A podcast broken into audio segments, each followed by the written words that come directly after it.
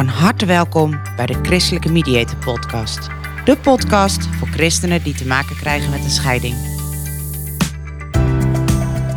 De gebrokenheid van het leven gaat aan christelijke gezinnen niet voorbij. In deze podcast geven we een stem aan alle christenen die in stilte worstelen met een scheiding. Ook besteden we aandacht aan de kinderen, die vaak machteloos aan de zijlijn staan. Een podcast waarin we de rauwe werkelijkheid onder ogen zien, informatie delen en hoop bieden. Eerlijk, oprecht en zonder oordeel.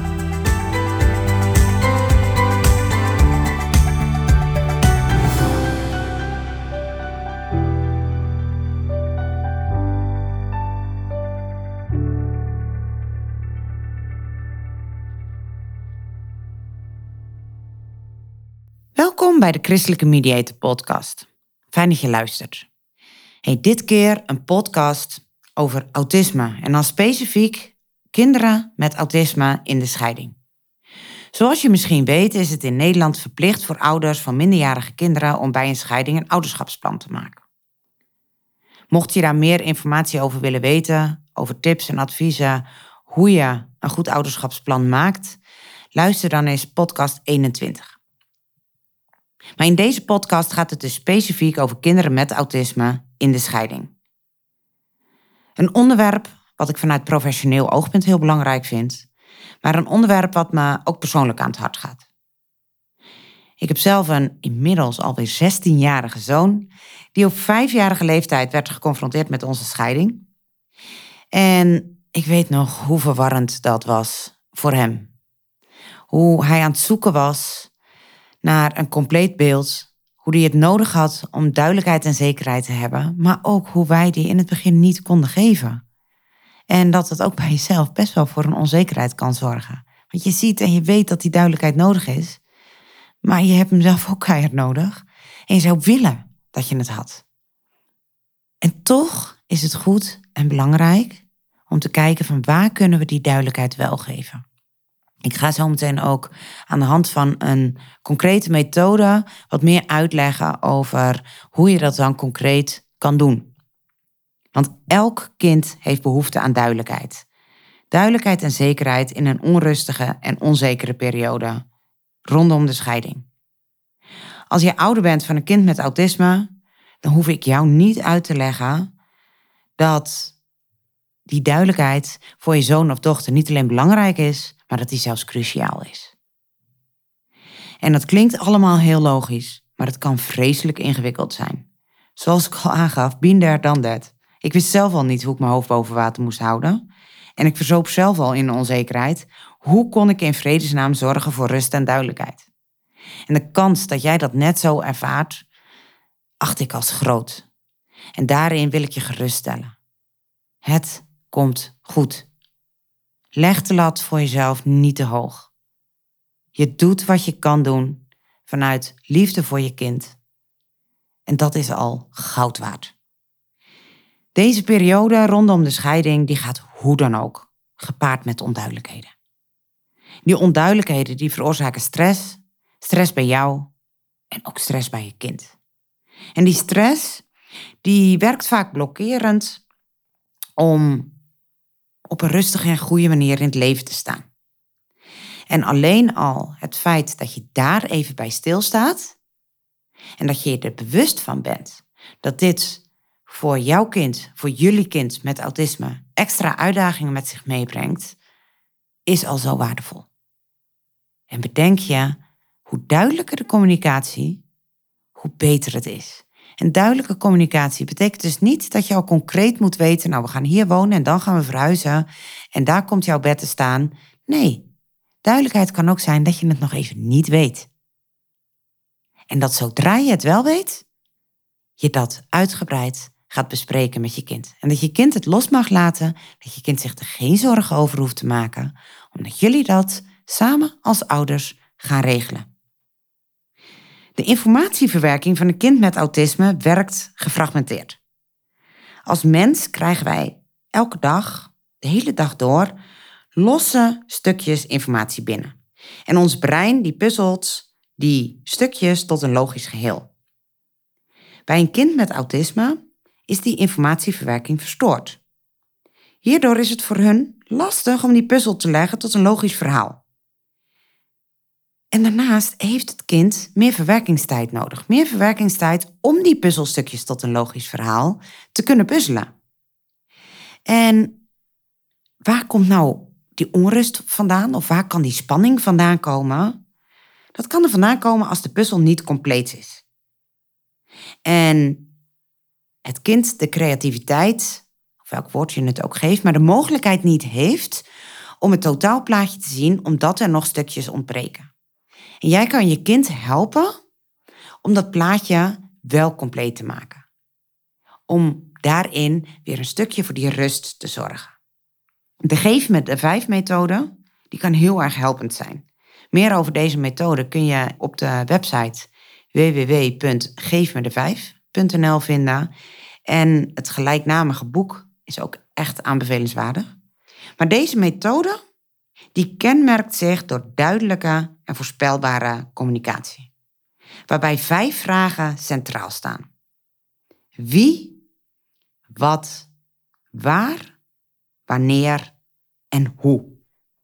Ouders kunnen dus hun kind helpen samenhang te creëren door duidelijk te zijn op die vijf punten. Dus door heel feitelijk te vertellen wat er gaat gebeuren, wanneer dat gaat gebeuren, hoe dat uitgevoerd zal worden, waar het gaat gebeuren en met wie het gaat gebeuren. Door je kind hierbij te helpen, is je kind minder puzzeltijd kwijt. Dus door stil te staan bij wat gaat er gebeuren, wanneer gaat dat gebeuren, hoe zal dat uitgevoerd worden, waar gaat het gebeuren en met wie. En doe daarin geen aannames dat de dingen vast heel logisch zijn. Dus met wie, dan denk je ja, is toch logisch. De verhuizing is met mama en broertje en zusje. Nee, benoem het maar. Ga echt die punten langs. En niet alleen bij de uitleg over de scheiding, maar ook bij de andere dingen die op dat moment in jullie leven spelen. Dus op het moment dat er een viering is op school, of dat er een verjaardag is waar jullie dat weekend naartoe gaan, leg het maar eens langs die vijf punten. Het heeft mij als ouder van een kind met autisme echt heel erg geholpen om de communicatie langs die lat te kunnen leggen.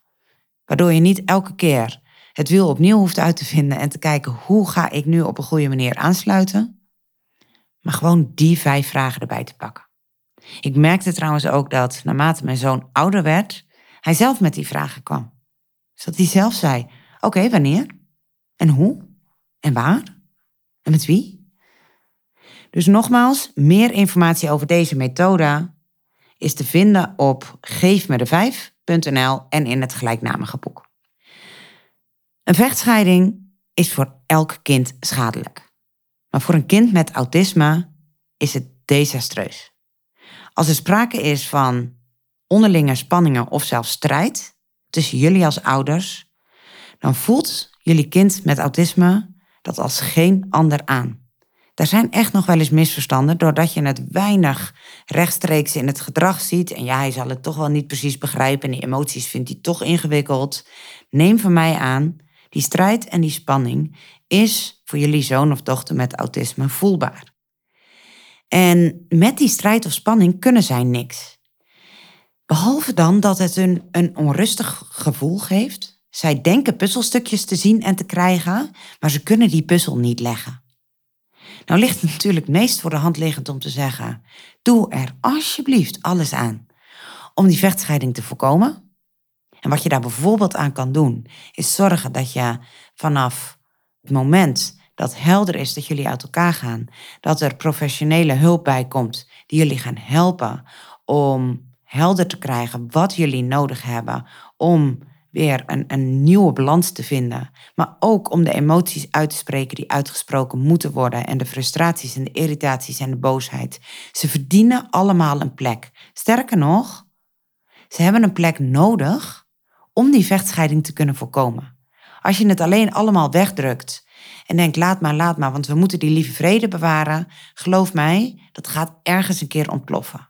Het is zo goed en zo waardevol en zo cruciaal om het over die emoties te hebben. Maar doe dat onder professionele begeleiding, zodat jullie daar echt op een goede manier mee om kunnen gaan. Een professionele derde zit niet in het conflict van jullie en kan jullie helpen om dat uit te klaren. En ook jullie allebei de ruimte te geven om te delen wat je wil delen. En om te bespreken en uit te praten wat uitgepraat moet worden. En door dat met een professional te doen, is de kans het grootst dat je als je thuis bent, zeker nog als je nog in hetzelfde huis woont, maar ook daarna, om die spanning en die angel er zoveel mogelijk uit te halen. Zodat er geen signalen, verwarrende signalen, naar je kinderen toe gaan, waardoor er puzzelstukjes aangereikt of aangegooid worden waar het kind niets mee kan. Want dat zorgt uiteindelijk voor error, stress en het vastlopen. Het vastlopen van een kind, omdat ze het niet meer weten. Dus nogmaals, ga die emoties niet uit de weg. Bespreek ze, maar doe dat op die daarvoor bestemde plekken. En een daarvoor bestemde plek kan zijn bij een professional, maar dat kan ook zijn op het moment dat jullie kinderen niet thuis zijn en jullie samen dat gesprek voeren. Maar in ieder geval niet met de kinderen erbij. Bijt het puntje van je tong af Slik het zes keer door in de wetenschap dat je een dag, een week of twee weken later het alsnog kunt bespreken. Nou, ik hoop van harte dat deze podcast je iets meer richtlijnen geeft. Van hé, maar hoe kunnen wij nou zorgen voor een stukje rust, structuur en duidelijkheid in de scheiding en dan specifiek gericht voor jullie kind of kinderen met autisme, waarbij het zaak is om zoveel mogelijk concreet te maken en zoveel mogelijk de juiste puzzelstukjes op het juiste moment aan te reiken. Met het juiste moment bedoel ik, als er nog heel veel onzekerheid is, dan kan je er ook voor kiezen om het onderwerp even te parkeren en het pas bespreekbaar te maken als je concreet kan aangeven wat de betekenis van de puzzelstukjes zijn, zodat je kind, al dan niet samen met jullie, daar een complete puzzel van kan maken. Mocht het nou zijn dat je naar aanleiding van deze podcast concrete vragen hebt, of minder concrete vragen, ook dat mag, maar dat je een vraag hebt over jouw specifieke situatie, schroom dan niet. Je mag ons altijd bellen of mailen om gewoon even te sparren van joh, hoe kan ik dit nou het beste doen? Of hoe doen andere ouders dat? Want deze podcast die geeft algemene informatie. Maar ik kan me heel goed voorstellen dat het soms fijn is om even te sparren met iemand over juist jouw specifieke situatie. En daar zijn we voor, dus laat het ons vooral weten. Dank voor het luisteren naar de Christelijke Mediator Podcast.